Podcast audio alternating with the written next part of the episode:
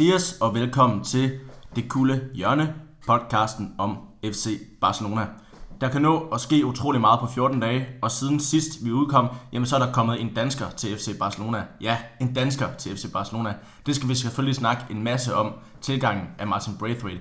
Desuden skal vi også snakke om den nylige situation i La Liga, hvor det hele er vendt på hovedet. Lige pludselig ligger Barca i en solid førerposition. Og så kigger vi frem mod de kommende sæsondefinerende opgør mod Napoli og Real Madrid. Velkommen til, og tak fordi du lytter med. Du lytter til Det Kulde Hjørne, podcasten om FC Barcelona. Dine værter er Emil Mozart Hansen og Ryan Svale Andersen. Viska Barca! Og som altid Emil, så er du med mig igen. Velkommen til. Tusind tak, Ryan. Ja, som sagt i introen, jamen, så har vi en dansker i Barcelona. Hvis vi lige skal vende det først og fremmest. En dansker i, i uh, verdens bedste fodboldklub. Hvordan klinger det i dine ører?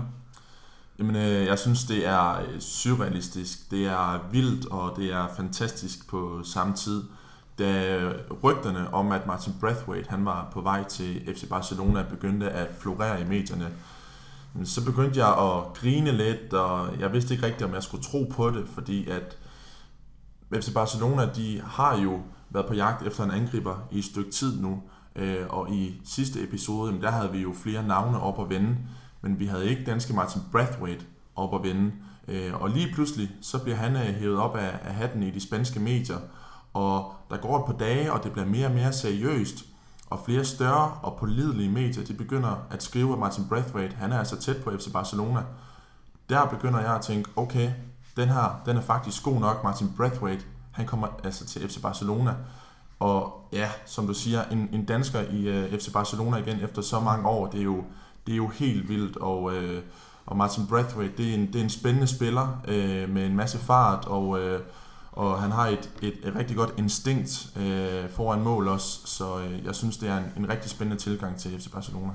Lige præcis, og hvad det præcis er, han bidrager med af kvalitet til, til FC Barcelona, det synes jeg lige, vi skal, vi skal vende senere, fordi det er jo egentlig et fornemt selskab, han kommer i. Øh, han, er den, han er den femte, øh, undskyld, sjette dansker i øh, Barcelona. Der er Allan Simonsen og Michael Laudrup, som øh, vi begge to kender, og så er der øh, Ronny Eskelund og Thomas Christiansen. Og så grund til, at jeg sagde 5, det er fordi, at Line Rødik har spillet for øh, kvindeholdet i øh, Barcelona.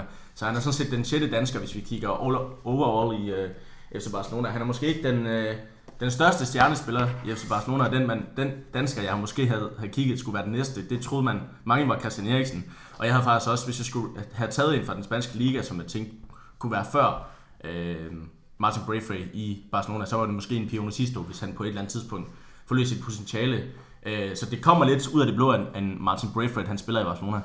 Ja, det gør det. Øhm, og man, man betaler øh, Leganes øh, 135 millioner øh, og man har skrevet en, en kontrakt med ham til 2024. I, I sidste afsnit, der øh, havde vi jo en Angel for Getafe op at vende, og det er jo en mand på 33 år, øh, Martin Brathwaite, han er kun 28, øh, og grunden til, at vi havde Angel op at vende, det er jo fordi, en mand på 33, jamen han ville jo have det fint med det næste halvårs tid, og måske sidde på bænken, øh, frem for at spille hos FC Barcelona. Men nu henter man en 28-årig Martin Brathwaite, som man virkelig tror på. Man har givet ham en frikøbsklausul på 2,2 milliarder. Øh, så det er, jo, det er jo helt vildt, det der er sket her øh, med, med Martin Brathwaite i, i løbet af den sidste uge. Ja, det er nemlig helt vildt, fordi det er ikke, det, vi skal ikke andet end 14 dage siden, hvor vi sidst vendte det her med Dembélé, og vi nu må, må hente en ekstra spiller. Og der, på det tidspunkt for 14 dage siden, der var der ingen medier overhovedet, der nævnte Martin Braithwaite. Det går stærkt det hele. Vi nævnte Angel, vi nævnte øh, en øh, uh, William José i Sociedad, og vi nævnte nogle andre navne, som vi egentlig kunne se foran Martin Braithwaite. Men når alt kommer til alt, så synes jeg egentlig, at Martin Braithwaite er den bedste løsning, fordi øh, uh, Sitchen har peget ham personligt og sagt, at jeg mangler en, der både kan spille kant og angriber, og dertil passer Martin Braithwaite jo bedre end de andre. Ja, det gør han lige præcis, og, øh, og som jeg øh, nævnte før, så er han en, en hurtig spiller. Han er god til at komme ned i bagrummet, og han er god til at lave, lave nogle dybe løb. Øh, han er en trussel for, for modstanderens bagkæde, så øh, han er helt klart en spiller, der passer utrolig godt ind i FC Barcelonas system. Ja, han, han kommer nemlig med noget atypisk og noget, som Barcelona mangler, nemlig de her dybe løb. Øh, og man så jo allerede, det skal vi vende senere i hans debut, en fremragende debut, og vi så, hvad, hvad han, hvilke kvaliteter han bringer til holdet. Også selvom Martin Braithwaite måske ikke er den mest sexede spiller og den største spiller i Barcelona, jamen så kan han helt sikkert bidrage med en masse kvaliteter her i, her i sæsonen. Ja, det kan han, og, øh, selvfølgelig forventningerne, de er jo ikke helt vildt store til ham. Øh, men alligevel, vi så allerede her i, i weekenden, at, øh, at Martin Braithwaite, han, øh, han kommer ind med noget fart, og han kommer ind med noget energi, og, øh, og det bliver spændende at følge, hvad, øh, hvad han kan udrette øh, i klubben. Øh.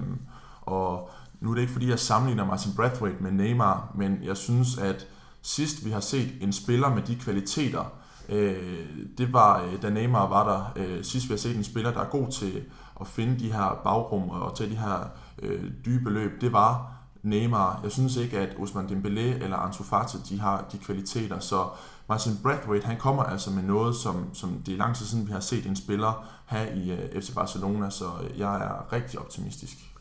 Jeg, jeg synes også, når alt kommer til alt, og vi skulle have en, have en så synes jeg egentlig, at, at han er den bedste løsning, for jeg tror, vi, kunne, vi har fået ham billigere, end vi kunne få nogle af de andre spillere for. Jeg er lidt i tvivl om, en Angel havde været billigere for Retaffe måske, men igen, det er, en, det er en spiller, der måske ikke er meget fremtidig. i. Det skal vi også vende med senere med Martin Braithwaite, om der egentlig er i ham. Fordi hvis du kigger på rent, ren, hvad Barca kan hente, når, når vinduet står åbent igen, jamen, så er det jo klart, så er Martin Braithwaite ikke god nok til en klub som Barcelona. Men han kan jo kun overraske positivt lige nu. Men jeg synes også, der er en anden ting, vi skal vende. Det er den her regel om, at vi overhovedet må købe en spiller. Altså, jeg tror, øh, du ved, den, den lange Facebook-tråd, vi har gang i med, med nogle af vores medstuderende, så øh, jeg var måske ikke så optimistisk omkring den handel. Det er ikke så meget Martin Braithwaite og Barcelona, men det er selve den her regel, der er om, at Barcelona på grund af en skadet spiller, må gå ud og hente en forstærkning uden for transfervinduet. Det synes jeg er, er komplet latterligt, for det ødelægger jo fuldstændig en klub, som ligger næsten der kæmper om overlevelse i La Liga, og øh, skal sælge deres bedste spillere til øh, FC Barcelona, som reelt, lad os sige på papiret, ikke har noget at bruge den her spiller til, måske når vi kommer efter sommerferien. Det vender vi senere. Og ligger næste år jo, okay, skal vi vælge overlevelse i La Liga, eller skal vi vælge økonomisk overlevelse? For dem er 135 millioner kroner rigtig meget. Det er komplet lettere regel, og Leganes har jo så fået lov til nu at købe en erstatning for Martin Braithwaite. Det vil sige, det er en ond spiral, der bare går videre og videre. Hvad synes du om den her regel? Jamen, øh, jeg er i samme båd som dig. Jeg synes også, det er en, en mærkelig regel.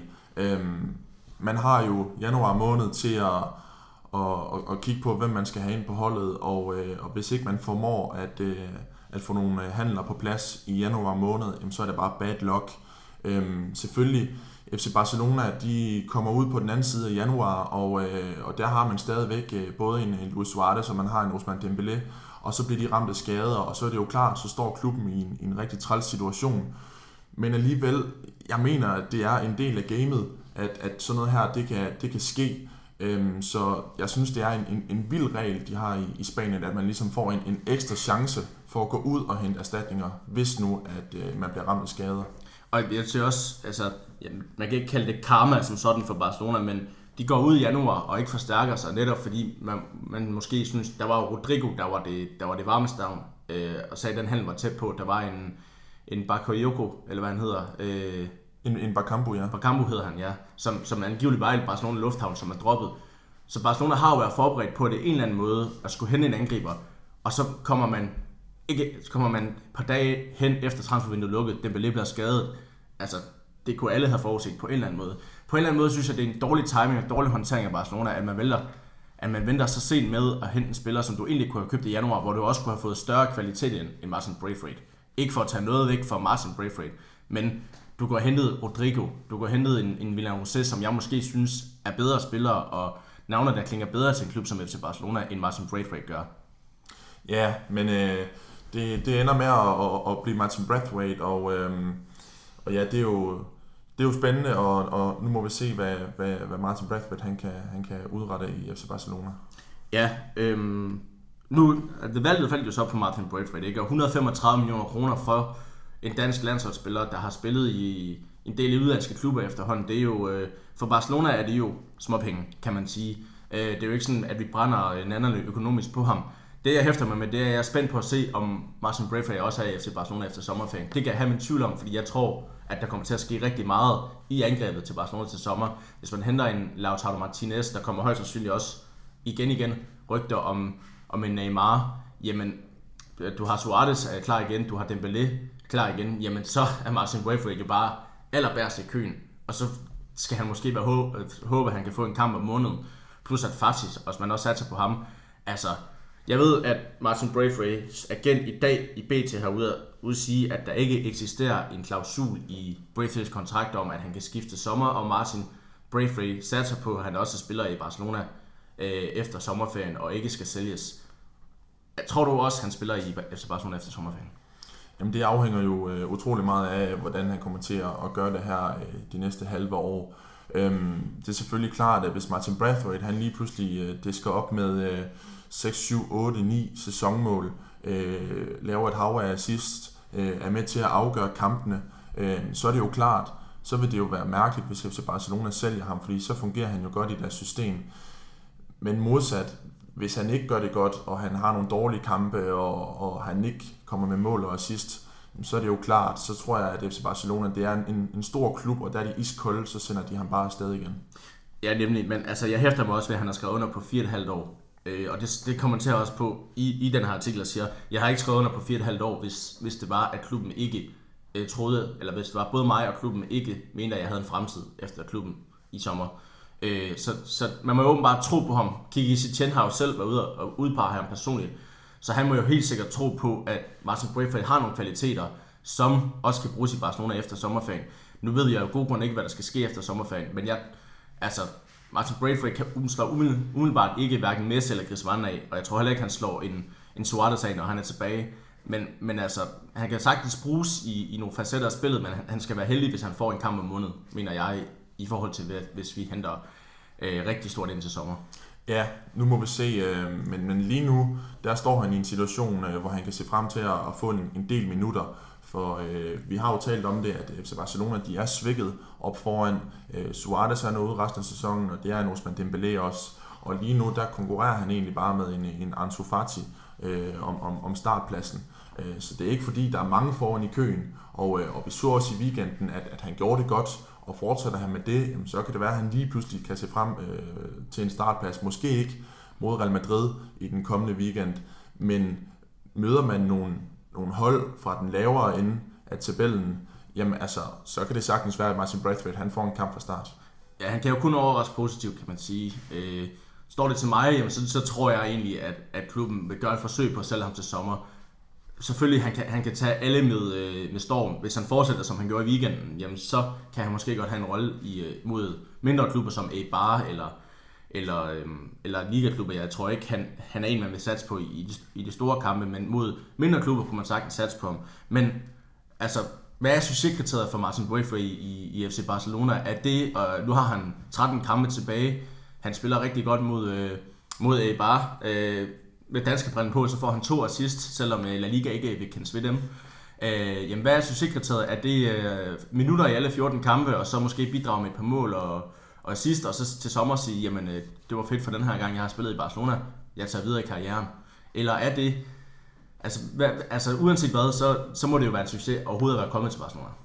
Ja, det er det jo først og fremmest, men øh, en succes for Martin Braithwaite, øh, det er uden tvivl, at, øh, at han kan få en, en sæson mere øh, efter sommerferien, øh, og hvis ikke to.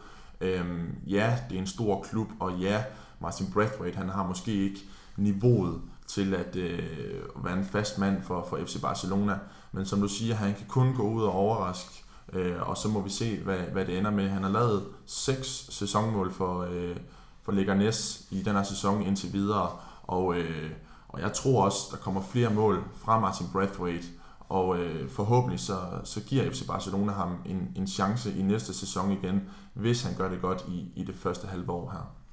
Det bliver i hvert fald øh, spændende at følge. Man kan sige, 135 millioner synes jeg er en, en stor pris for, for, for ham her. Men igen, vi har været inde på, at Barcelona brænder ikke nallerne økonomisk på ham.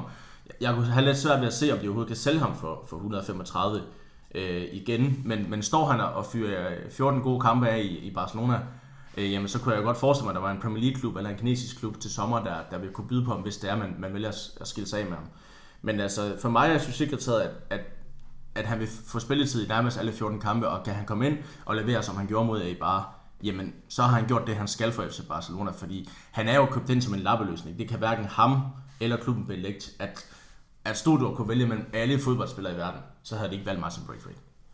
Ja, enig, og... Øh og ja, de har jo skrevet med ham til øh, 2024, og, og smider man ham på porten allerede til sommer, så synes jeg også, at det er lidt respektløst over for Martin Braithwaite. Øh, så skulle man have lavet en, en anden form for kontrakt, øh, måske ikke på så mange år, eller så skulle man måske have forsøgt at, at få en lejeaftale i hus. jeg synes bare, at, at en kontrakt på, på, på så mange år, jamen det indikerer jo, at, at man vil ham gerne, og, øh, og så synes jeg også, at de skal give ham en, en færre chance. Øhm, og så Martin Brathwaite, han må tage en kamp i gangen, fordi, som vi har nævnt mange gange nu, han kan kun overraske, og der er allerede flere navne fra fodboldverdenen, der har været ude og kritisere det her køb af Martin Brathwaite, og sagt, at han har jo slet ikke kvalitet nok til at skulle til FC Barcelona, så han kan kun overraske, og øh, han må tage en kamp i gangen, og så må vi se, hvad det ender med. Ja, man kan sige, når man får en 4,5-årig kontrakt og en frikøbsklausul på 300 millioner kroner, som, svar, som er mere end, end det, Neymar havde i sin tid i Barcelona, jamen så, så er det ikke umiddelbart noget, der klinger med, at man skal sælges til sommer. Øhm, det, jeg, jeg tænker, at vi vender den senere, om, om Martin Braithwaite har en fortid til FC Barcelona, når vi ser på hans kampe. Men uanset, nu, øh, uanset hvad nu, så kan vi jo sige, at, at det er fedt at, at have en dansker i Barcelona, selvom øh, hvad hedder det, altså Jannelovs Danmark vil jo sige, at han ikke har øh, kvaliteten til FC Barcelona. Indtil videre har han bevist det, synes jeg, mod ikke bare, men det kan vi vende, når vi skal vende den kamp. Øh, det bliver uanset rigtig, følge, rigtig spændende med danske briller at følge Martin Braithwaite i Barcelona. Med danske briller, så er det fedt. Med FC Barcelona briller, så kunne jeg se andre alternativer end ham. Men han kan kun overraske positivt. Ja, og øh, jeg er helt enig med dig. Øh, vi danskere, vi skal bare være øh, lykkelige over, at vi øh, får en spiller til FC Barcelona. Det er jo helt vildt, og, øh, og ja, så kan det godt være, at øh, Martin Brathwaite, han øh, måske ikke øh, har øh, niveauet til at være en fast del af FC Barcelona, men, øh, men også danskere, vi skal bare øh, vi skal juble over det her, fordi det sker sjældent, og det er kæmpestort, at øh, en spiller kommer til, til FC Barcelona. Øh, så ja, øh, jeg krydser i hvert fald fingre for, at, øh, at det går godt for Martin Braithwaite. Det samme gør jeg, gør jeg, og øh, så synes jeg, at vi har lagt øh, Martin Braithwaite ned her indtil videre. Det er selvfølgelig et, et øh, emne, vi kommer til at diskutere meget resten af, resten af sæsonen, fordi det er stort at, at have en dansker i Barcelona, uanset om man hedder Michael Laudrup eller Martin Braithwaite. Men det så bevæger vi os videre. Encara Messi, encara Messi, encara Messi, encara Messi, encara Messi, encara Messi, encara Messi, encara Messi, encara Messi, encara Messi, encara Messi, encara Messi, gol, gol, gol, gol, gol, gol, gol, gol, gol, gol, gol, gol, gol, gol, gol, gol, gol, gol, gol. Nu retter vi blikket mod de to seneste kampe, FC Barcelona de har spillet i La Liga. Den første kamp, vi skal snakke om, Emil, det er den her 2-1-sejr, man fik på hjemmebane over øh, Retafe. Hvad var det for en kamp? Jamen, øh, som du siger, så var øh, FC Barcelona tilbage på øh, Camp Nou efter at have været øh, øh, på to udebaneture, øh, hvor man tabte øh, i Copa del Rey øh, mod øh, Athletic Bilbao, og, øh, og man fik en sejr øh, ude mod øh, Real Betis tilbage på, øh, på hjemmebanen, og øh, jeg synes, det var en, en rigtig fin kamp for, for FC Barcelonas vedkommende. Man vinder 2-1. Det er ikke fordi, det er overbevisende øh, resultatmæssigt, men alligevel spillet, det så rigtig, rigtig fint ud. Øh, Griezmann og Sergio Roberto, jamen, de scorer i første halvleg, og, øh, og vi har været meget efter øh, Antoine Griezmann, øh, men her i, i fraværet af Luis Suarez, der synes jeg, han er begyndt at, at steppe op igen. Øh, Getafe kommer tilbage i, øh, i anden halvleg og, og skaber spænding i kampen, og det er Angel, der scorer. Vi har øh, vendt ham flere gange i forhold til, at øh, han kunne være en mand, som FC Barcelona skulle hente. Øhm, og ja, Getafe, jamen det er jo et, et hold, der har, har gang i en, en vanvittig sæson, øh, ligger i, i toppen af ligaen, og, og så synes jeg, at, øh, at en sejr på, på 2-1, det er, det er godkendt mod en, et hold som dem, der er så sprudlende for tiden. Nu var du selv ind på, på Griezmann. Ja, det kan godt være, at han scorer, men, men jeg synes også, at han brænder nogle kæmpe chancer engang imellem. Mod, mod øh, uh, Retafa har han jo en, hvor han nærmest står helt fri foran mål og bare skal bare sætte den højre skøjt på, ikke? Øhm, og han sparker den over mål.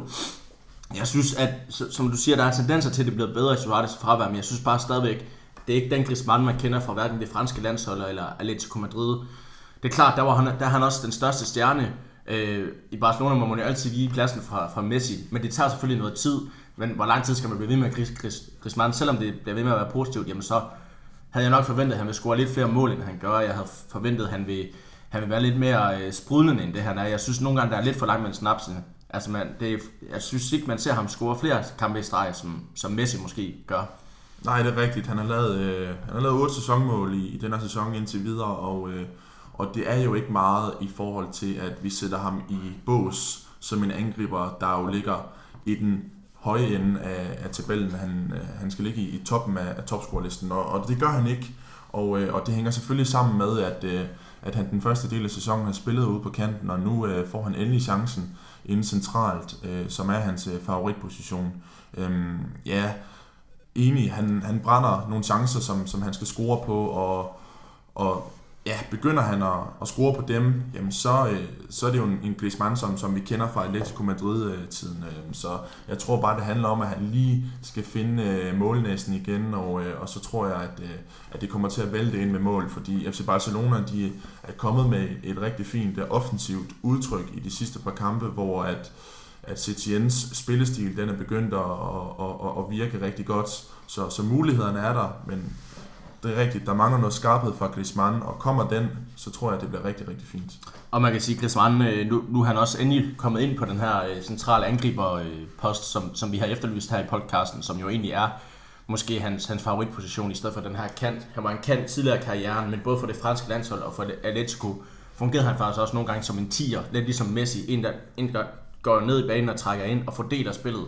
Den rolle har Messi på, på FC Barcelonas hold, så vi skal ikke have to af dem Øh, så han har måske nok skulle vende sig til, til nogle facetter af spillet, både med Valverde, men også med Sitchen. Øh, og, og altså, vi må bare blive ved med at give ham tid, fordi han er stået over for et trænerskifte. Jeg tror, at Sitchens idéer med Griezmann, tror jeg er anderledes end Valverdes idéer med Griezmann. Så vi må bare blive ved med at give ham, give ham tid, fordi han er stadigvæk en, verdensklasse, en verdensklassespiller. Ja, det er han, og, øh, og allerede nu synes jeg, der er øh, stor forskel på, øh, hvor meget vi ser øh, Griezmann i forhold til dengang, at øh, Ernesto Valverde han var ved roret. Han får mange flere chancer nu. Han er meget mere i centrum øh, af, af angrebene, når de bliver bygget op. Øhm, så, så det er klart, at Setien han har været inde og justere noget der i forhold til at få sat øh, Antoine uh, Griezmann med i scene, og, og det lykkedes rigtig godt, og ja, så mangler vi bare, at han, han får scoret på de her chancer, han har. Ja, lidt mere slutprodukt på det, og så, øh, så ser det godt ud. Altså, lige nu er, er Griezmann ikke Suarez. Øh, vi, vi havde begge to måske øh, da, da Griezmann kom til klubben, snakkede om, jamen okay, han, han går ind og, og slår Suarez af med det samme.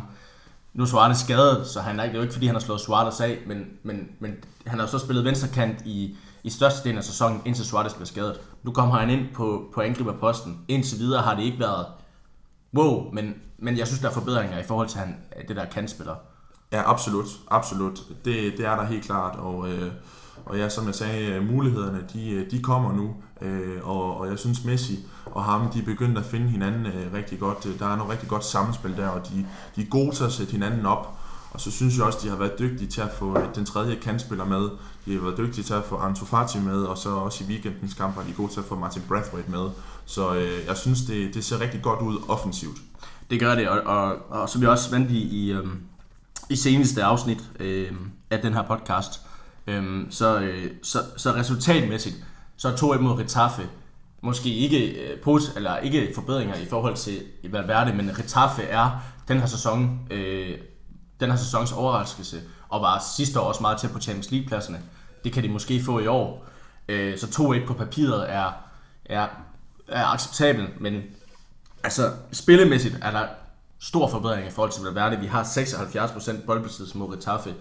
Øhm, vi har fem skud på mål. Øhm, det er måske ikke meget af kreerede chancer, men vi scorer på to af dem øh, og har 75 eller 76% i boldbesiddelse. Det vidner om, om gamle dage. Nu mangler vi måske at få lidt mere, øh, lidt, lidt større chance kreeret, og så, øh, altså, det, det giver håb for fremtiden i hvert fald. Jamen det gør det helt sikkert, og, og det er det vigtige, det er, at, at, at vi kan se, at der er en forskel på spillet, og, og vi må bare sige, at uh, Kiki Setien, han har virkelig fået sat sit præg på det nu, og, øh, og det er en fornøjelse at sidde og kigge på det. Ja, så kan det godt være, at man kun vinder 2-1, men alligevel, så længe der kommer chancer, og så længe at FC Barcelona de angriber Getafe, i stedet for at stille sig ned og parkere bussen, så er jeg fortrøstningsfuld. Ja, man kan sige, øh, at desværre så øh, måtte Jordi Alba udgå med en skade mod Getafe, men Junior Firpo kommer ind.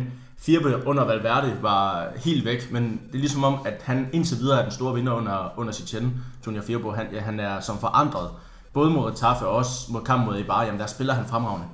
Ja, det gør han øh, absolut. Øh, han er en, en, en offensiv-minded øh, vensterbak, og øh, han besidder nogle, nogle rigtig gode kvaliteter, og, øh, og dem, øh, dem fik vi at se i, i kampen mod øh, Getafe, og, og han gjorde det rigtig, rigtig fint, og, øh, og ja, det, det er fedt, at der er en, en god backup til, til Jordi Alba, der, der nu er ramt af en, en, en lille skade, og, og, og også hvis han skulle løbe ind i en, i en karantæne, jamen så, så er det fedt, at, at der er en, en mand, der, der er klar til at, at, at komme ind, og, og specielt også en ung spiller. Det, det er rigtig fedt, at øh, de står klar i kulissen til at komme ind og, og levere. Jamen, jamen øh, helt, helt bestemt, og, og Firbo øh, kender sit tjente fra deres fælles fortid i, i Real Betis, hvor øh, jamen, Firbo blomstrede op under Kiki Sitchen, så måske at komme, komme under en anden, en anden træner, der, der kender ham og præcis ved, hvilke kvaliteter han har, jamen det hjælper jo også på det. Øh, øh, jeg kan sige, også, også i den tid, hvor vi havde Lucadinje i stedet for Jordi Alba, der var man heller aldrig nervøs. Selvom, selvom Alba måske er niveauet bedre, jamen, så var man ikke nervøs, når man skulle rotere, fordi man også vidste, at Dinje havde kvaliteterne. Sådan er det også ved at blive med Firbo, og det er jo bare positivt. Ja, det er virkelig positivt, det, det må man sige. Og, og ja, jeg er kæmpe fan af, at, øh, at man har de her unge spillere, der kan komme ind og, og, og bidrage med noget, øh, der bare sætter deres præg på kampen, og de, de er ikke bange for at blive skiftet ind, og, og de spiller det spil, som, som de kan, og, og det, det er jo bare sådan, det skal være, og det, det er fantastisk. Det er det bestemt. Det eneste negativt med, øh, med Getafe-kampen, det var jo, at Messi for fjerde kamp i streg måtte gå for banen uden at score. Det, det er ikke så tit, han gør det. Nej, det er det ikke. Øhm, og ja, Messi, han, han havde også chancer for at, øh, for at få scoret i den kamp, og han, han manglede også øh, det sidste. Øhm, en, jeg gerne vil rose for hans præstation, øh, det er brasilianske Arthur. Øh, jeg synes, det er et rigtig fint comeback, han har, øh, han har lavet. Øhm, han har været ude i, i den første del af sæsonen øh, med, med diverse øh, skavanker, og, øh, og nu er han tilbage, og, øh, og jeg synes, at han, han viser, øh, at, at der er en grund til, at FC Barcelona de hentede ham til klubben øh, i sin tid, fordi at øh, han besidder altså nogle kvaliteter, der passer utrolig godt ind på holdet. Bestemt. Øhm, og grund til, at jeg snakkede om, om Messi ikke skulle have fire mål, det er fordi, glidende overgang til kamp mod bare. Han har ikke scoret i fire mål. Han har ikke scoret i fire kampe i streg. Hvad gør man så? Jamen, så scorer man lige fire mål mod bare. øh, det er jo bare Messi i en nødskal. Ja, det er det. Messi, han, øh, han gad ikke at høre på kritikerne mere, og øh, så kommer han ind og, og laver et hat i, i første halvleg, og øh, FC Barcelona går, går til pause med en 3-0-føring, og, øh, og så handler det jo egentlig bare om, hvor, øh, hvor stort de skal vinde øh, mod Eibar på hjemmebane. De ender med at vinde 5-0, og, øh, og ja, Messi han, han scorer fire mål i alt. Og, øh, og det var jo en kamp, hvor Martin Brathwaite han fik sin øh, debut, og, øh, og han øh, blev skiftet ind til, til allersidst, og han er jo... Øh, årsagen til, at, øh, at de scorer de, de to sidste mål. Øh, jeg ved godt, han, han får officielt ikke øh, assist for, øh, for de to øh, mål, der blev lavet til allersidst. Men det var jo Martin Brathwaite, der var med til at kreere dem. Det var ham, der satte det op. Så, øh, så det var en, en rigtig fin debut til ham også. Det, det må man sige. Øh, ja, han, hvad, rygterne, rygterne startede øh, tirsdag sidste uge. Øh, skiftet blev officielt torsdag, og han kommer ind lørdag og får debut for FC Barcelona. Det går øh, rigtig hurtigt i fodboldens verden. Og man kan sige, jamen, øh, som vi selv vendte, øh, da vi snakker om Martin Braithwaite, jamen, hvad skal han i Barcelona? Er han god nok til Barcelona? Indtil videre, så, øh, så ser det godt ud, må man sige. Han kommer ind i det, øh, i de 72 minutter i stedet for Antoine Griezmann, og øh, hvis man skal være lidt hård med Griezmann, så yder han mere til, øh, til offensiven, end Griezmann gjorde hele den kamp. Kommer ind, han, han skaber noget af det her, han kommer, han kommer ind på kanten, og han, han, med det samme, så er han bare en, en impact, han, øh, gør sig fri og sætter Messi op, øh, og, og selv tager på at score, og så øh, scorer øh, Arthur på riposten. En fremragende by af Martin Braithwaite. Jamen det er det. Han kommer ind med noget energi, og han skaber noget ravage øh, nede i, øh, i Eibar-forsvaret, og, og det er det, han er god til. Det er at komme ind med øh, noget energi, der er med til at stresse modstanderens bagkæde. Og, øh, og det er jo bare øh, fantastisk for øh, Martin Braithwaite, at han øh, allerede fra første kamp af kan komme ind og, og sætte sit præg på, på, på holdet. Øh, det, det er jeg kæmpe fan af. Ja, jeg synes allerede, at, at, at øh, det, det, som Chen var ude at pege på, hvorfor han vælger Martin Braithwaite frem for alle andre, altså han kan spille kant, han kan spille angriber, og han kan, han kan tage nogle af de her dybe løber, han kan, han kan gøre noget ved Barca's forsætter spillet, som måske mangler en gang imellem. Det går han allerede ind og beviser fra day one. Og så kan man sige som dansker, jamen hvad skal han? Der er også andre, der har kigget på, hvad skal men jeg synes, at hvad jeg har set efter kampen af både spanske og medier og danske Twitterbrugere spanske Twitterbrugere, jamen der har ikke været andet end rosende øh, ord til Martin Braithwaite. Indtil videre, jamen, så har han jo bare bevist, øh, kritikerne, at alle kritikerne tager fejl. Ja, lige præcis. Det er en god måde at svare kritikerne igen på. Og, øh, og så synes jeg også, at vi skal bide mærke i, at, øh, at man har en, en Ansu Fati på bænken. Øh, ham vælger man ikke at sætte ind, øh, men man sætter Martin Braithwaite ind. Etienne, han kaster simpelthen bare Braithwaite øh, ind i det, og, øh, og så er det jo bare fantastisk for Martin Braithwaite, at han kan levere fra, fra første kamp af. Og, øh, og det viser jo også, at, at han, han skifter ham jo ud med Antoine Griezmann, så det vil sige, at den første i køen til at skulle gå ind og tage over for Antoine Griezmann, jamen det må jo være Martin Brathwaite. Øh, og, og som vi også har været inde på i, i starten, da vi vendte ham, så kan han godt spille angriber, og han kan også godt spille kant, og det tror jeg, det er en kæmpe fordel for Martin Brathwaite. Som udgangspunkt, så tror jeg, at han, han, han, han er tiltænkt rolle som kantspiller i, i Barcelona. Han, han skal jo være en erstatning for, for Dembélé, men når Griezmann ikke rammer dagen, som han bestemt ikke går mod i bare, jamen så kan du også skifte ham ind øh, på angrebsposten. Jeg synes umiddelbart, det så ud som om, han, han lå lidt som kantspiller i, i kampen mod, øh, mod Eibar, men, men, men det, det jo, må være dejligt for, for Sitchen, at han kan, han kan skifte, en spiller ind, både i angrebet og på kanten, fordi Fati er måske mere udpræget kantspiller, end, end en Brathwaite er. Ja, lige præcis. Det, det er fedt for, for Sitchen, han har flere muligheder med, med Martin Brathwaite, og, øhm, og så synes jeg, at øh, ja, som, som jeg nævnte før, Martin Brathwaite, han kommer ind med, med en energi, øh, der, der er rigtig god i den sidste del af kampen. Øh, Eibar, de er, de er ved at gå, gå døde, og, og de har ikke særlig meget øh, tilbage i, i tanken. Og, øh, og så kommer der en, en lynhurtig spiller ind ved navn Martin Brathwaite, og, og bum, så, øh, så er det klart, at øh, så sker der noget øh, i, i, øh, i Eibar-forsvaret, og der bliver øh, dannet noget kaos, og, øh, og ja, det resulterer så i, at, øh, at de får yderligere to mål FC Barcelona. Hvis vi lige skal hæfte os øh, ved, ved selve kampen generelt, jamen igen, vi har 70% i boldbesiddelse. Det, det, er, det er dejligt at se, at den her boldbesiddelse, den her form for tiki-taka, jamen den er ved at blive implementeret i klubben igen. Det er jo en spillesofi og, en, og, en, og det her Cruyff, Cruyff-system er så gennemgående i FC Barcelona, så det er jo dejligt at se, at, at vi ikke længere skal, skal have mindre boldbesiddelse end vores, øh, vores modstandere, som nogle gange var tilfældet eller vel det. Ja, lige præcis, og, øh, og ja, så, øh, så fik vi også øh, målscoringen tilbage. Det, det savner vi jo mod øh, Getafe. Det er jo lidt ligesom i gamle dage, hvor, hvor FC Barcelona de tager imod øh, holdene fra, fra den lavere ende af tabellen, og så, øh, så smadrede de dem fuldstændig på øh, Camp Nou, og, og det gjorde de 5-0. Det er det, vi gerne vil se. Øhm, og så øh, så vi også øh, folk som Semedo være tilbage i, i startopstillingen, og han gjorde det rigtig fint, og, og, og som vi har nævnt tidligere, Filippo, han, øh, han gjorde det rigtig godt øh, i, i fraværet af Jordi Alba, og så Langley, han var tilbage ind i, i forsvaret ved siden af Piquet. Øhm, og, og ja, man, man valgte jo at, at stille med, med Messi og Griezmann øh, helt fremme, og, øh, og så havde man jo en, en Arturo Vidal liggende bagved, og, og det fungerede også rigtig fint, og det er også godt at se, at, øh, at Setien han har flere systemer, han kan vælge imellem. Øhm, og så er det også i, i en kamp mod Eibar, at man skal eksperimentere med de her systemer. Det skal man måske ikke gøre i en Champions League-kamp mod Napoli, eller i en El Clasico mod Real Madrid. Men mod de mindre hold, der kan man altså godt eksperimentere med, med nye øh, formationer, og, og det gjorde han, og det lykkedes rigtig fint. Det gør det bestemt, og man skal også, jeg tror også, at, det, at man stiller op, som, som man gør på papiret, så det ud som om det var en, en 4-3-3, en, en klassisk 4-3-3 Barca, men, men som du siger, jeg tror egentlig, det var en, en 4-4-2 med, med en diamant på, på midtbanen, i stedet for, det, jeg tror, det er lidt, det, man skal se det lidt som en nødløsning for Setien, fordi selvfølgelig vil han nok spille 4-3-3, men med alle de skader, der er i Barcelona i øjeblikket, nu er Roberto også skadet. Øh, vi kan altid vende lægestaben i Barcelona, når, når, når, når vi har så mange skader, som vi har. Øh, den sag skal jeg ikke gøre mig klog på, det er, bare, det er bare lidt mærkeligt, at der er så mange skader, som der er. Øhm, men, men, men altså, så snart han, han får alle spillere klar, jamen, så er det klart, så, så vil spille man 4-3-3, men det er, uden, det er uden tvivl befriende på en eller anden måde at se, at man også kan ty til andre metoder, og man har en plan B, hvis tingene ikke fungerer på den klassiske Barca-måde, som nogle gange har været lidt, lidt et problem i, i fortiden. Ja, lige præcis, og, og blandt andet uh, Ernesto Valverde, han uh, indførte jo et, et 4-4-2-system, men forskellen på øh, hans 4-4-2-system og så Setiens 4-4-2-system, den er jo kæmpestor. Øh, her der får vi noget offensiv fodbold, og, øh, og det er ikke noget med at, at stille sig tilbage på banen. Det er fremad, fremad, fremad hele tiden. Og, øh, og ja, det resulterer jo i, i en 5-0 sejr, og, øh, og det er sådan, det skal være, når, når FC Barcelona de spiller.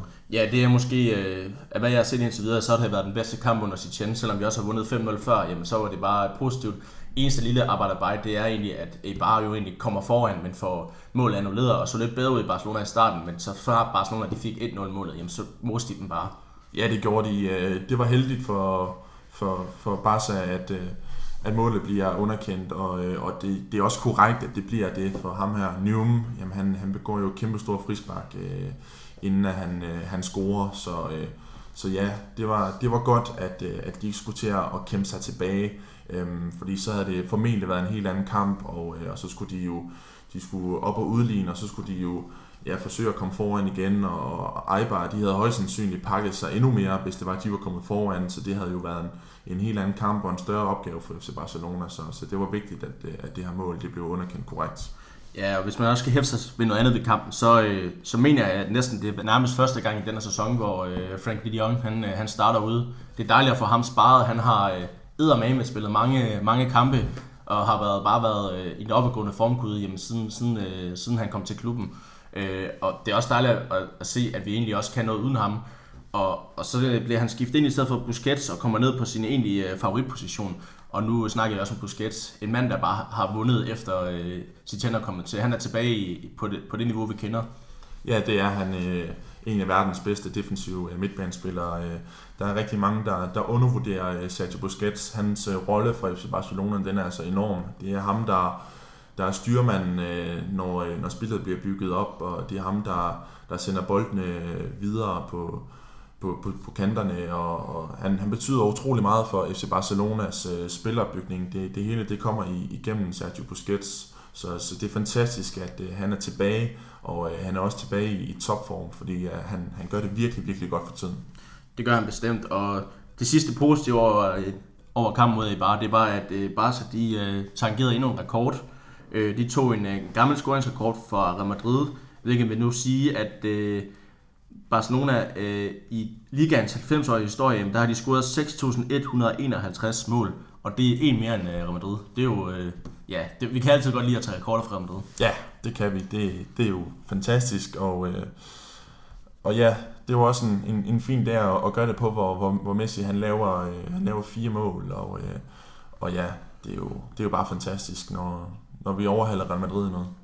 Ja, det er det, og hvis man lige skal blive med Messi, jamen Messi, øh, han øh, den første fodboldspiller nogensinde til at være direkte involveret i mere end 1000 mål. Han har scoret, øh, han har scoret et havermål, og han har lavet sidst et havermål, og alt i alt så går det op til, til 1000. Jamen altså, hvad skal man efterhånden sige om ham? Altså, øh, jeg, jeg tror ikke, man, jeg, jeg kan finde på nogen superlativ, der ikke allerede er sagt om Messi. Altså, han er så vigtig for FC Barcelona. Ja, det er han. Altså, i, i, i La Liga har han lavet 18 mål og, og 12 assist i den her sæson, og, og ja, det bliver jo sammenlagt øh, 30 øh, scoringer, som han har været involveret i, og det er jo halvdelen af FC Barcelonas.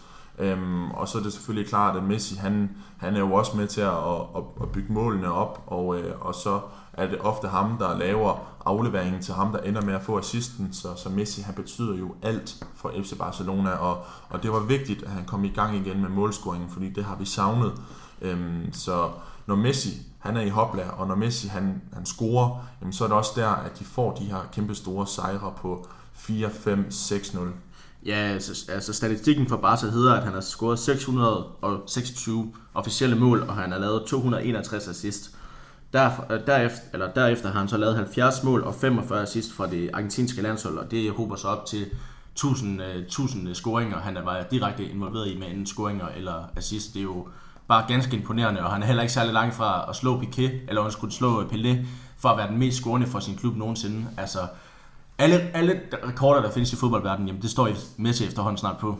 Ja, han er bare en maskine, og, øh, og til trods for, at han bliver ældre og ældre, jamen så, så bliver han ved med at, at brillere, og han, øh, han er jo bare fænomenal, og vi skal bare nyde Messi så lang tid vi kan. Øh, ja, det, det er fantastisk at have en mand som ham. Ja, og, og det var også... Øh det var sjovt at læse på Twitter, i bare på, på Twitter efter kampen, og var ude som, så som vi spillede en god kamp, men der er ikke noget at gøre, når man er op mod øh, den største nogensinde. Altså, og det, altså, Messi, med, altså Barcelona kan spille lige så, lige så ringe de kan en hel sæson, så længe du har Messi, jamen, så er du bare, så er du bare et andet hold. Ja, og det er man, øh, absolut. Og, øh, og så synes jeg også lige, vi skal tage fat i, at, øh, at nu, øh, nu er det hele tippet over. Nu, nu, nu fører man lige pludselig ligaen. Øh, Real Madrid taber til, til Levante øh, 1-0, og, øh, og nu fører man lige pludselig. Og ja, for, for, for nogle uger siden, jamen der førte Real Madrid ligaen, og nu er det hele vendt på hovedet, og, og nu er det Real Madrid, der, der har svært ved at finde de gode spil frem, og nu er det Barcelona, der, der for alvor har fået gang i den her offensive maskine igen, så ja, som vi har nævnt, så, så kan der ske mange ting i fodbold, og det kan vende fra uge til uge i forhold til, hvordan man, man præsterer. Og, øh, og lige nu, op til to rigtig, rigtig vigtige kampe, som vi skal vinde om lidt, jamen der ser det rigtig, rigtig fint ud for FC Barcelona. Det gør det bestemt. Ja, der kan ske rigtig meget fodbold. Øh, for 14 dage siden, da vi lavede vores, øh, vores seneste afsnit, der var der ikke nogen danskere i klubben, og Barca lå, øh, lå, øh, lå skidt til ligaen. Nu ligger det nummer et, og vi har en dansker i klubben. Altså, det, det er fuldstændig sindssygt, hvor meget det kan, kan ske på 14 dage, og det sidste, man kan sige om den her kamp mod Eibar, det var, at det, der er et billede med Martin Braithwaite, der får et kram af Messi, og efterfølgende er han ude og sige, at han vasker aldrig, aldrig den der trøje igen. Jamen altså, det, altså, det kan ikke blive mere perfekt jo. Nej, det er helt vildt. Altså, øh, Martin Brathwaite kommer til klubben, og, og næste dag, jamen, så render han rundt på træningsanlægget sammen med Lionel Messi og Griezmann og company, og det er jo helt vanvittigt. Og, og os danskere, vi skal bare øh, se det som en, en kæmpe ære, at, øh, at vi får lov til at se øh, Martin Brathwaite i FC Barcelona-trøjen, fordi som jeg har nævnt, så, så er det sjældent, at det sker. Og, øh, og altså, det er jo det er noget af det ypperste, du kan nå i din karriere som fodboldspiller. Det er at komme til en klub som FC Barcelona.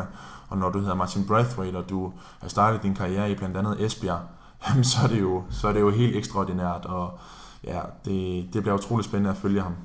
Fra at blive vraget i FC Midtjylland til at komme til Esbjerg, og nu spiller jeg i FC Barcelona, det må jeg sige så være en inspirerende karriere. Ja, det, det er en fantastisk historie. Lad det være, øh, lad det være ordene for, øh, for den her gennemgang af de seneste øh, resultater siden sidst. Og nu øh, kigger vi frem mod en øh, sæsondefinerende uge for FC Barcelona. Grandstand finish to this game, away off the uh, head of Adrian Rabiot. Intense pressure now on the Paris Saint-Germain defence. It's Neymar trying to feed it through. It's a stretch and it's in. And I can't remember the last time I saw something like this. Extraordinary scenes at the new camp. Sergio Roberto, the substitute, is the hero of the hour, and it is the greatest Champions League knockout comeback of all time. Det har bestemt ikke været nogen dans på roser for FC Barcelona i den her sæson. Resultaterne har, været, har varieret, og spillet har til tider været uinspireret. Det kostede i januar en fyring til Ernesto Valverde. Ind i stedet for ham kom Kiki Setien, hvor resultaterne også til tider har varieret, men spillet har set bedre ud. Alligevel så ligger Barcelona nummer 1 i La Liga og går ind i en meget sæsondefinerende uge. Først møder man på tirsdag Napoli i Champions League, og søndag venter Real Madrid i El Clasico. Det kan være en uge, hvor Barca tager et vigtigt skridt øh, i kampen om mesterskabet, og samtidig også kan spille sig videre til kvartfinalerne i Champions League. Det bliver en spændende uge i min. Ja, det gør det helt bestemt. øhm, Og hvis vi skal dykke ned i, i det her Champions League-opgør, der, der venter mod, øh, mod Napoli, så bliver det et, øh, et rigtig spændende opgør. Øh, Jeg har lige været inde og, og, og kigge på Napoli, og, og det er et hold, der har haft det, det er meget svært i, øh, i Serie A den her sæson, øh, indtager lige nu en, øh, en 6. plads. Og, øh, og Napoli, de har ikke været lige så sprudlende, som, som de har været i, i tidligere sæsoner. Øh, men de har alligevel folk som, som Milik og Dries Mertens op foran, som FC Barcelona, de skal holde øje med. Øh, men i Champions League, der må man bare sige, at der har Napoli øh, gjort det øh, fremragende, og øh, de endte jo som, som toer i, i en pulje med, med Liverpool blandt andet. Og som de også slår hjemme på, øh, på hvad hedder det, Stadio Sao Paulo. Præcis, ja. Så øh, Napoli i Champions League, de er noget andet end Napoli i Serie A. Og, øh, og som du sagde, så, så har de slået Liverpool hjemme, og, øh, og det er en hjemmebane, man ikke skal undervurdere. Så FC Barcelona, de skal være øh, klar fra første fløjt, og de skal være på stepperne, og så er det jo øh, helt klart en, en kamp, hvor, hvor der ikke er råd til at lave fejl, fordi øh, så kan det gå hen og blive rigtig, rigtig grimt. Øhm, så det bliver, det bliver spændende at se FC Barcelona mod Napoli, men alligevel så er de store favoritter i min bog. Og, og de skal være store favoritter, fordi de ligger nummer 1 i La Liga lige nu. Øh, og selvom spillet, og, og der er rigtig, rigtig meget pres, altså har aldrig, der har været så meget øh, opmærksomhed på Barcelona, som der er lige nu. Øh, vores ledelse og vores bestyrelse er der, er der maksimal pres på. Vi så øh, i kampen mod Eibar, det vendte vi ikke, at, at der var rigtig mange, der havde viftet med hvide flag og vi have Bartomeu ud. Altså internt er der utrolig meget pres i Barcelona lige nu. Men, men det kan give noget ro, hvis man går ud og vil levere en, en, et godt resultat mod Napoli, og samtidig øh, slår ærkeverinderne for Real Madrid. Øh, men hvis vi lige skal vende, vende kampen mod Napoli, jamen så det, det er Italien, og de sidste par kampe på gang øh, Barcelona har været i Italien, der har det ikke øh, været for godt. Der var en, øh, et stort nederlag mod Juventus for et par sæsoner siden, og så var der jo selvfølgelig blamagen mod Roma for, for to sæsoner siden. Øh, så, og det sidder stadigvæk tungt i klubben, må man jo sige. Øh, så Italien er jo ikke noget, der lige frem klinger i, i FC Barcelonas hoved, men og Napoli øh, på papiret burde de jo være et bedre hold end, end, end Roma var for, for to år siden. Øh, men det er jo det målet er, det, det skal bare ikke ske, den her blamage igen. Det er dejligt, at man starter i Italien den her gang, og ikke slutter, kan man sige. Ja, det er rigtigt. Øh, ja, som du siger, så, så har der været øh, blamager førhen, hvor, øh, hvor FC Barcelona de er, de startede hjemme på Camp Nou og har fået et godt resultat, og så er man taget til Italien, og så er det gået fuldstændig galt. Øh, men ja, som jeg nævnte, Napoli, det er et andet hold i Champions League end i den hjemlige liga. Øh, I den hjemlige liga, der har de spillet 12 hjemmekampe i den her sæson, og der har man altså kun vundet fire af dem.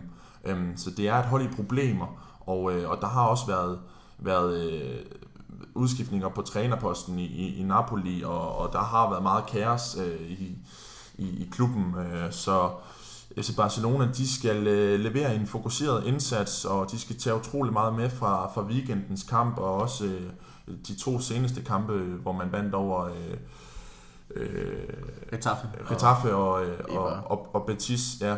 Og, øhm, og så skal man uh, gå ud og, og, og levere en, en god offensiv præstation, og man skal lade være med at, at frygte Napoli, fordi uh, FC Barcelona de er meget skarpere offensivt lige nu, end, end Napoli er. Ja, og, og, nu, og nu skal vi ligesom snakke om, øhm, altså man kan sige, at truppen er udtaget til kampen. Noget overraskende, overraskende er, er Martin Braithwaite udtaget til truppen han må ikke spille i Champions League, han må kun spille i ligaen, men så vidt man kan se på, på begrundelsen, så er, det, så er det egentlig for at implementere ham lidt mere i truppen, så han rejser med dem for ligesom at, at, at få noget socialt sammen med truppen. Øh, og det, det, det er jo lidt spøjs for det her, at der har, er noget coronavirus nu i, i Italien, så alle Barcelona-spillerne skal tjekkes for coronavirus, øh, når de indtræder til Italien. Så øh, det, det bliver spændende at se, om, øh, om der var nogle sager der blev aflyst i weekenden, Øh, indtil videre så, så er der ikke snakket om en aflysning af den her kamp, men der kan jo godt komme et eller andet på tale, hvis, hvis det er, at, at øh, en Barcelona-spiller får noget frigør eller noget.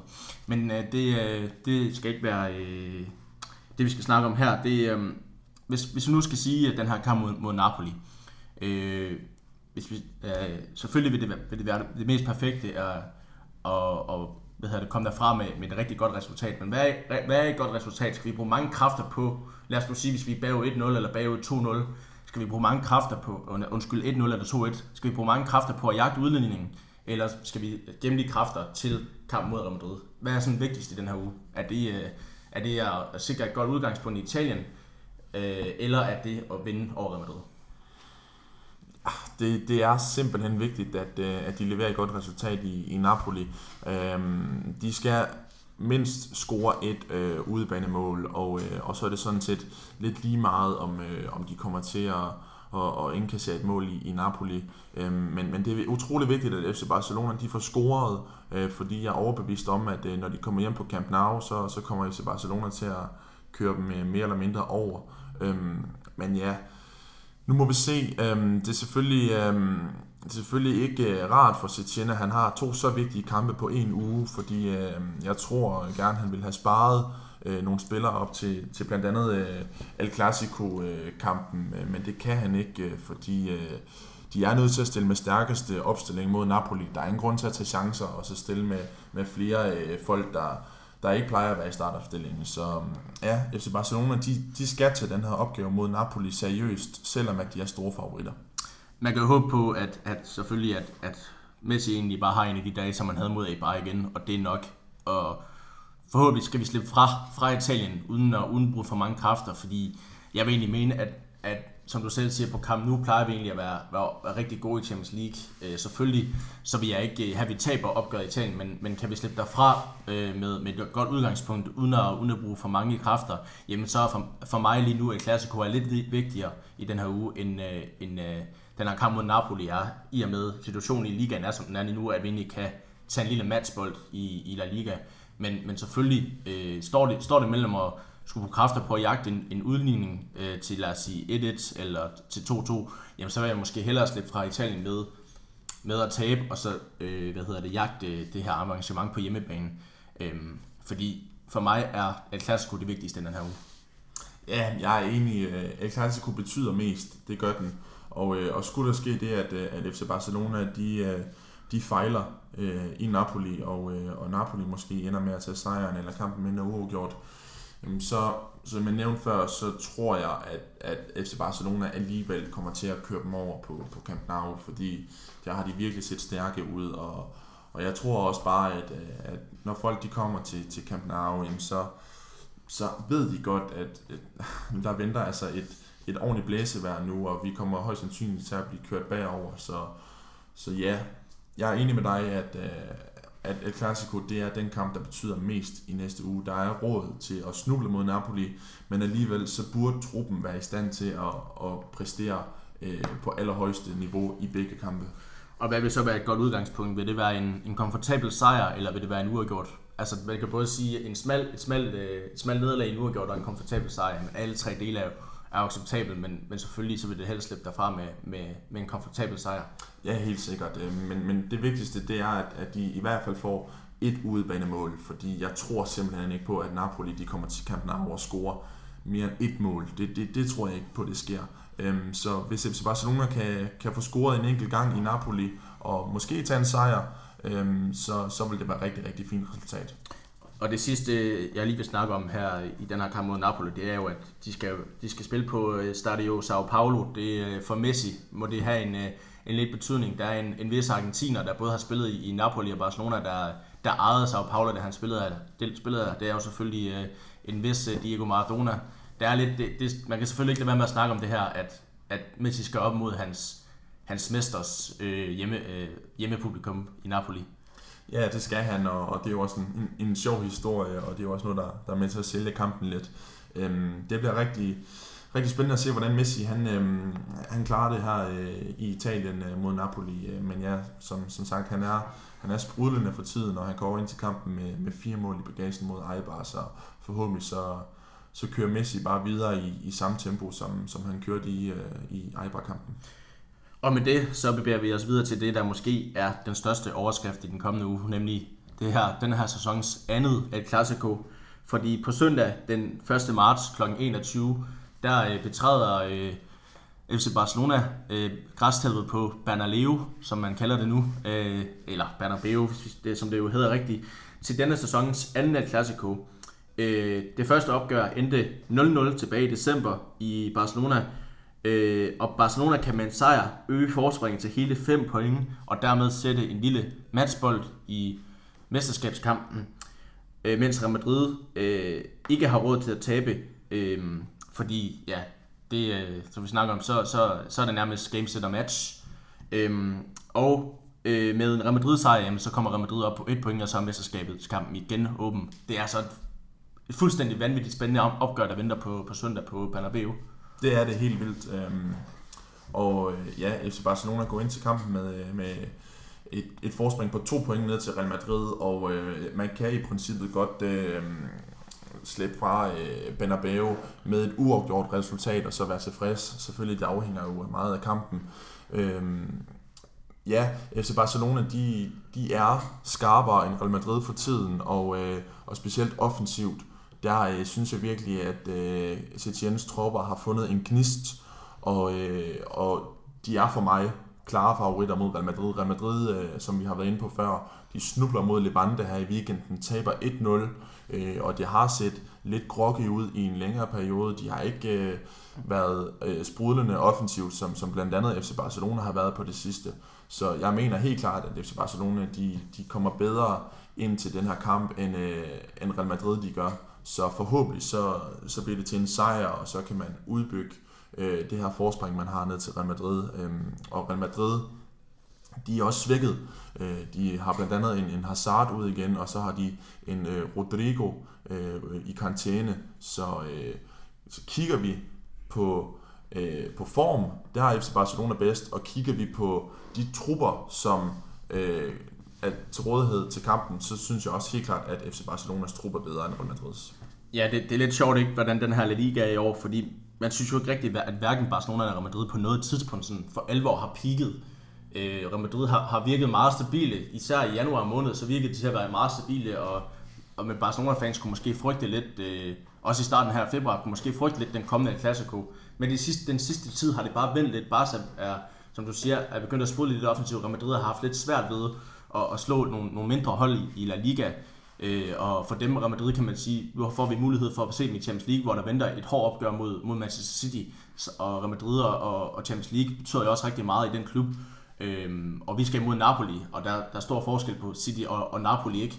Så det er, bare, det er bare utrolig spændende, fordi jeg, jeg har egentlig i lang tid troet, at, at øh, hvad hedder det, mesterskabsløbet var lidt kørt, fordi jeg synes, at Real Madrid virkede meget solid og virkede til, til at ikke kunne slås, men det har bare vendt sig nu. Og, og når, når vi nu har muligheden for egentlig at sætte lidt øh, en matchbold i ligaen, jamen så hvorfor ikke tage det? Altså hvorfor ikke gribe det og, og vinde på, på, på Bernabeu, som vi ikke har tabt på siden 2014? Ja, lige præcis. Og, og, og som du nævner, så, så er det et, et, et skifte, der, der er kommet i løbet af, af de sidste par måneder, og, og, og det hænger jo også sammen med, at, at FC Barcelona skifter ud på, på trænerposten, og så er det jo klart, at Setien han skal lige have tid til at sætte sit præg på klubben, og det har han gjort nu, og nu begynder øh, maskineriet for alvor at køre igen, og, øh, og ja, FC Barcelona de skal bare gribe den her chance, de har for at udbygge forspringet, fordi de er meget bedre end Real Madrid lige nu. Ja, og, og, og som jeg også siger, der, der er nogle problemer i Real Madrid. Vi er skadet stadig i Barcelona, det må man også sige, Real Madrid er. Ja, den Hazard har de nærmest ikke rigtig haft nogen effekt af i denne sæson. Først der kommer han til klubben, og, og ligner en, der har taget 7 kilo på. Øh, så skal han bruge noget tid på at, på at tabe sig, så bliver han skadet, så kommer han tilbage og bliver skadet igen. Altså lidt en Dembélé-historie med ham i, i Real Madrid, og ham må de undvære til opgør, opgøret, og de må undvære en, øh, en og Rodrigo også. Øh, øh, og Karim Benzema, han lignede en mand efter Ronaldos afgang, jo, der egentlig bare øh, siger, jamen okay, vi mangler Ronaldo, men nu er jeg her. Han har også gået lidt stå på det seneste. Altså, det er egentlig måske det perfekte tidspunkt at møde Real Madrid lige nu. Ja, det, det er det, præcis. Øh, deres topscorer Benzema, øh, jamen han er også øh, gået lidt i stå. Øhm, øh, kigger vi på, på Real Madrids øh, seneste startopstilling, hvor de taber 1-0 til, til Levante, jamen der har man jo alle bedste spillere til rådighed. Courtois, Marcelo, Ramos, Varane, Carvajal, Modric, Casemiro, Kroos, Isco, Benzema og Hazard. Altså det er jo en vanvittig startopstilling. Og Bale på bænken der. Og Bale på bænken. Så Real Madrid, de har jo et, et klassehold, men spillemæssigt, der fungerer det bare ikke lige nu. Og så er det jo et fantastisk tidspunkt for FC Barcelona at skulle møde dem på. Ja, det har jeg sagt før. Kigger du en måned tilbage, jamen, så frygter jeg Clasico, fordi jeg, var egentlig, jeg synes, Real Madrid var godt kørende. De virkede mere stabile end Barcelona. Du så den spanske Supercup også. Real Madrid gør, hvad de er bedst til, og det er bare at vinde turneringer. De er rigtig gode til at vinde de her Champions League turneringer, eller hvad det er, hvor ligaen har, har, har, har, har svinget lidt mere for dem for første gang i mange år har de virket, øh, har de virket solide, har de virket stabile i deres positioner og lignede hold, der, der var på sikker kurs mod mesterskabet. Og så er det bare vendt nu. Øh, og det er til vores fordel, og nu kan vi udnytte det, komme 5 point foran. Og der er, jo, der er jo ingen tvivl om for Barca, selvom Messi har været ude og udtale, at lige i år så ser det svært ud med at vinde Champions League med skader. Jamen hvis du kan komme, hvis du kan tage på Bernabeu, vinde og være 5 point foran, så er der meget, der skal gå galt, for man ikke bliver spanske mester til sommer, og så kan øh, så kan man vende fokus mod Champions League, som jo stadigvæk er det alleroverskyggende mål den her sæson. Ja, absolut. Øhm, og det, der øh, egentlig er, er mest farligt ved, ved det her, det er, at, at man, skal, man skal til øh, Santiago Bernabeu, man skal spille på Real Madrids hjemmebane, øhm, men alligevel sidste, at, øh, at Real Madrid har formået at besejre FC Barcelona på hjemmebane, det var tilbage i august 2017, så det er lang tid siden FC Barcelona, de har øh, sat sit, sit præg på kampen, når, når de har været på, på Santiago Bernabeu. Øhm, og, og hvis vi kigger på, på de to seneste opgør, de har spillet øh, på, på Bernabeu, jamen der har man, man vundet med, med 1-0, og man har vundet med 3-0. Så FC Barcelona, de er ikke, de er ikke bange for at komme på Santiago Bernabeu. Øhm, så selvfølgelig, man skal have respekt for Real Madrid, fordi man ved aldrig, hvad de kommer med. De kan komme med et helt andet udtryk, øh, end, end de gjorde her i weekenden mod Levante. Så selvfølgelig, man skal have dyb respekt for Real Madrid, men alligevel, FC Barcelona, de skal bare klø på, og de skal tage alt det her fra, fra Eibar og Getafe og Betis kampene med, og så forhåbentlig så kommer de også med en god oplevelse fra Napoli-kampen. Ja, nu snakker du om, at øh, det skal lige indskydes, at den, den seneste sejr, Real Madrid øh, har haft i liga mod Barca på Bernabeu, den ligger tilbage til 2014, så det er jo, det er jo, det er jo snart 6 år siden, det er øh, man ikke har vundet over Barcelona på hjemmebane i liga-regi.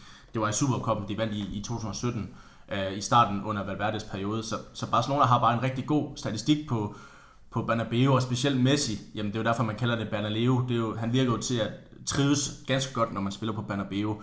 Og så længe vi har Messi, og jeg synes stadigvæk, at Madrid til tider mangler ligesom at finde den der talisman, de havde i Cristiano Ronaldo, Øh, og men at jeg synes, at, at især en Benzema har steppet op i, i, i de sæsoner, man har undværet Ronaldo, jamen så, så længe vi stadigvæk har vores talisman at gå til, jamen så skal man stadigvæk kunne forvente en sejr, selvom det er mod Real Madrid. Ja, helt sikkert. Øhm, og ja, Real Madrid, øh, de er altså ikke så frygtindgydende på hjemmebane, som de har været øh, i de tidligere år. Øh, FC Barcelona har, har skrabet 37 point sammen på hjemmebane, mens Real Madrid i gåseøjne kun har 28. Øhm, så det er altså et sted, hvor man godt kan komme og få resultater med derfra. Øhm, så forhåbentlig så blandt andet Messi har jeg kæmpe store forventninger til. Han, øhm, han kunne godt gå ind og, og få en, en rigtig god kamp mod, øh, mod Real Madrid, og, og ja, som, som nævnt, så, så spiller man 0-0 sidst, så øh, forhåbentlig så bliver det et andet opgør det her, hvor at, øh, at specielt FC Barcelonas offensive maskine får alvor til at køre for fulde damp igen. Det er meget sjældent, at Real Madrid og Barcelona spiller 0-0, og det tror jeg simpelthen ikke kommer til at ske to gange i streg. Øh, og, og hvis, der skulle, hvis det skulle ende med en uafgjort, jamen det kan Barcelona måske bedst leve med. Real Madrid er jo nærmest tvunget til en sejr, hvis, hvis de stadigvæk skal, skal, skal gøres forhåbentlig om at kunne, kunne tage det her mesterskab for Barcelona. Øh, Barcelona kan, kan leve bedst med udgjort, men jeg tror ikke, de kommer til at spille efter det. En Valverde havde måske spillet efter det, men det vil ligne Citizen dårligt at spille på et uafgjort resultat. Øhm, hvis vi skal vende lidt øh, startopstillingen øh, mod Real Madrid, øh, nu, nu, nu sagde vi ikke startopstillingen mod Napoli, øh, men, men tror du egentlig, det er lidt en copy-paste fra de to kampe, eller tror du, der kommer noget rotation i den? Hvis vi skal starte på mål, for eksempel, at Testikken kommer til at stå begge kampe. Øh, Samido kommer også til at spille på højre bakken i og med Roberto er ude. Firbo kommer nok også til at spille øh, venstre bakken i og med Alba ude. Øh, kunne, Piquet, tænker jeg, er mest sikker i forsvaret. Tror du, Umtiti og Langley spiller hver sin kamp i forsvaret, for eksempel? Det tror jeg faktisk godt, de kunne gå, gå hen og ende med, øh, men jeg synes, at, øh, at Umtiti han øh, er kommet rigtig fint tilbage fra sin skade, og øh, han øh, er begyndt at give øh, Langley øh, konkurrence til, til stregen. Så, øh, så det er også et, et spændende valg, han skal ind og tage der i Setien. Øhm, men det kunne sagtens ske, at, øh, at man vælger at, at spille med Langley mod Napoli, fordi øh, Langley han, han gjorde det rigtig fint mod, mod Eibar her i weekenden, øh, og så kan det være, at, at man vælger at, at køre en, en endnu mere fysisk stærk spiller ind i, i form af Umtiti ind mod Real Madrid. Øhm, så ja, det bliver spændende at se, hvad han gør øh, defensivt i hvert fald, og, og ja, så synes jeg også bare, at, at det er fedt, at vi har fået Umtiti tilbage, fordi vi har talt om øh, før, at, at FC Barcelona de har så tynd ud i midterforsvaret, øh, specielt også fordi man har sagt farvel til Todibo, så, så det er fedt, at Umtiti han er kommet tilbage, og at Tietjen har så mange at vælge imellem nu. Jeg tror, øh, jeg tror ikke, øh, jeg tror ikke om, om Titi for eksempel vil spille begge to kampe. Jeg tror mere på, at han kunne spille i Napoli, og så spiller langt det mod Real Madrid. Og, og det er egentlig det, der kommer til at ske. Resten af forsvaret siger lidt sig selv, i og med, at vi har de skader, som vi har, og Piqué er så selvskrevet i Barcelona, som han er. Så jeg tror måske, det hedder Umtiti mod Napoli, og Langley mod øh, Real Madrid. Selvfølgelig også mulighed for omvendt, men jeg tror ikke, altså Langley kan også få begge kampe, men jeg tror, at, at der alligevel er lidt rotation, øh, som man nu kan. Midtbanen, hvis du skal være op derop, jamen der er Busquets sikker i, i begge kampe. Ham kan du ikke undvære. De Jong er også sikker. Og så er det spørgsmålet, om man tager øh, en øh, Arthur ind, eller Dallin eller Rakitic ind. Ja, det kommer lidt an på, øh, hvad man godt vil, vil fra kampen af. Vil man angribe fra starten, eller vil man godt øh, stå og afvente lidt? Øh, jeg synes, at, øh, at Arthur han har gjort det rigtig fint i de sidste par kampe, og, og det er selvfølgelig klart, at øh, hvis øh, øh Setien han vil have, at, øh, at mandskabet de, de stormer øh, fra start af, jamen så, så kan det godt være, at man skal have en, en offensiv minded som, øh, som øh, Arthur. Øhm, men selvfølgelig, vi har jo også set, at Arturo Vidal, han kan også godt bidrage med noget øh, offensivt, så, så det kan også godt være, at man skal sætte en, en mand som Arturo Vidal ind, øhm, og specielt også et sted som Napoli, hvor det godt kan være en, en heksekedel, jamen, så er det også meget fint at have en, en, en fysisk stærk spiller ind på midtbanen, der kan være med til at, at vinde nogle, nogle dueller ind på midtbanen, øhm, og, og også i El Clasico. Derfor får øh, FC Barcelona også brug for, for nogle, nogle fysisk stærke folk inde på, på, på midtbanen til at, til at tage de her kampe med, øh, med de, de store, store spillere fra Real Madrid. Øhm, men, men Ja, jeg vil sige, at øh, Arthur og, og Vidal, de står nok forrest i køen, øh, og så kommer Rakitic øh, bagefter. Jeg tror, øh, jeg tror egentlig, at kamp, eller startopstillingen mod Napoli bliver meget copy-paste fra, fra den, vi havde mod Eibar. Øh, måske en De Jong i stedet for en Arthur, men ellers så tror jeg, at han satte på både Rakitic, Vidal, Busquets og De Jong på midtbanen, og så øh, den her 4-4-2, og så hedder angrebet Messi og, og, og Griezmann. Øh, vi kan jo ikke bruge Braithwaite i, i Champions League, men det kan vi så i, i, i kampen mod Madrid, og derfor tror jeg, at, øh, at, at startopstillingen mod Madrid kommer til at være lidt anderledes end i Napoli. Øh, jeg har nu er kommet mit bud, så, så hvis vi skal vende mod kampen mod Real Madrid, jamen så hedder det øh, startopstillingen, tror jeg, hedder altså Testegen, Semedo, Piqué, Langley, Junior Firbo, øh, og så hedder det Busquets, De Jong, og så tror jeg, det hedder øh, en, øh, en Rakitic på midtbanen. Og så er jeg spændt på at se, om han så tager tre mand op i angrebet. Griezmann, øh, Griezmann, Messi og Fati, eller om han tager to mand, øh, og så kører en Vidal på midtbanen, eller og Martin Braithwaite starter ind i en Clasico. Ja, det bliver øh, spændende at se i hvert fald. Øhm, det vil være vildt, hvis øh, han kaster Martin Braithwaite ind i, i startopstillingen mod, øh, mod Real Madrid. Øhm, det vil selvfølgelig være, være vildt fedt, men, men alligevel så tror jeg, at, øh, at han, han smider en, en Ansu Fati ind fra starten, hvis det er, at han vil køre med, med 4-3-3-systemet. Øhm, og så kan det være, at Martin Braithwaite han, han kommer ind senere hen. Men, øh, men hvem ved, om, om Martin Braithwaite han, øh, han får en, en god træningsuge i, i den her uge, og måske gå ind og vise noget, noget godt til træning, så kan det jo godt være, at, øh, at Setien han tænker, ved du hvad, han skal bare ind og spille mod øh, Real Madrid fra start, og så må vi se, øh, hvordan det, det går. Øhm, men, men det er selvfølgelig klart, at, at Ansu Fati, han, han har øh, prøvet at, at spille for, for, for førsteholdet flere gange, end, end Braithwaite har, og, og han kender måske sin rolle på holdet lidt bedre, end, end Braithwaite gør. Øhm, men, men ja, det bliver spændende at se, hvad, hvad han ender med. Ja, det gør det, fordi han kan jo også, som vi så mod bare, han kan jo også gå ned og spille med, med fire mand på midtbanen, og så spille en, en 4-4-2, øh, for ligesom at have den her ekstra fysisk på midtbanen, fordi Real Madrids midtbane er, er meget fysisk med, med blandt andet en, en Casemiro, ikke? Øh, og, så, og der, der, Casemiro og, og en Arturo Vidal kan jo gå ind og få nogle, nogle meget fysiske nærkampe på den her midtbane, så det, det er jo spændende, hvad han, hvad han gør. Han har meget, mange variationer at kunne vælge imellem. Jeg tror, Martin Braithwaite, han, han kommer ind i et, i et Clasico og får en rolle, fordi jeg, jeg synes, han har nogle facetter i sit spil, blandt andet de dybe løb, men også sin hurtighed, som kan gøre ondt på Real Madrid. Øh, jeg skrev lidt for sjov på Twitter, at han starter i et Clasico, men det er fordi, han måske i, i de 20 minutter, han fik på banen, jamen, der synes jeg, han imponerede mig mere end, end Griezmann, og han blev valgt frem for Ansu Fati, så han kunne godt gå ind og, og, og starte en allerede i Clasico, selvom det måske er lidt tidligt.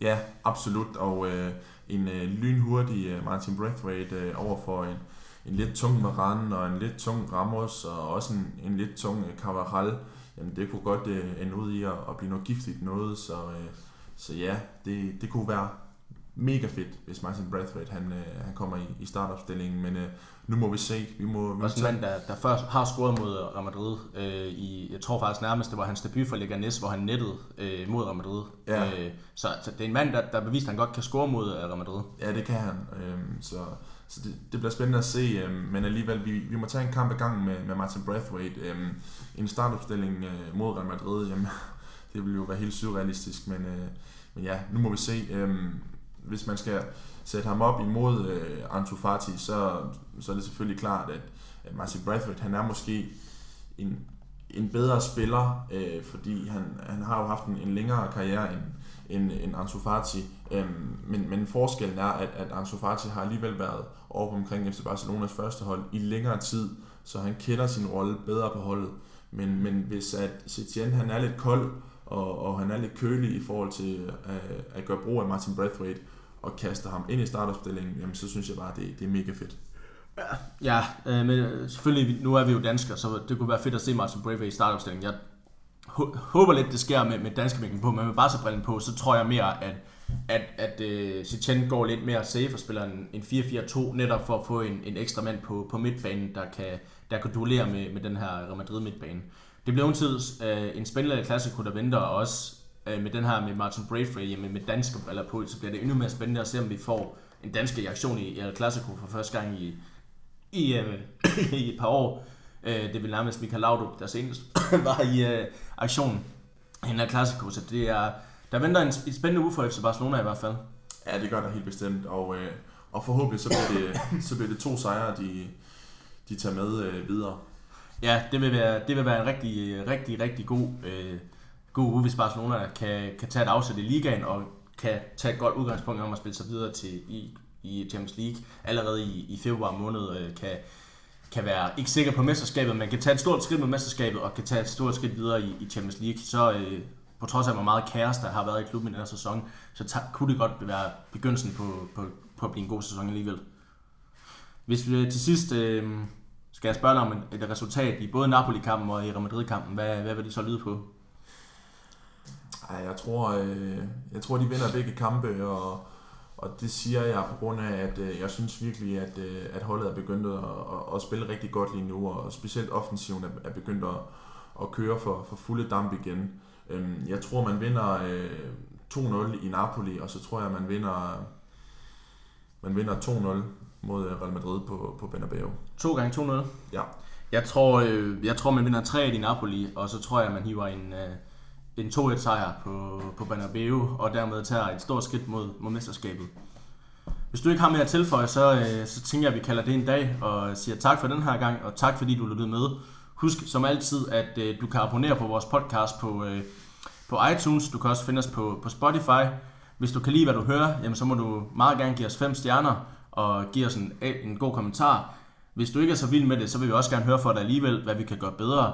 Og så kan du huske, at du altid kan følge os på de sociale medier under øh, det kule hjørne. Tak for den gang. Vi lyttes ved.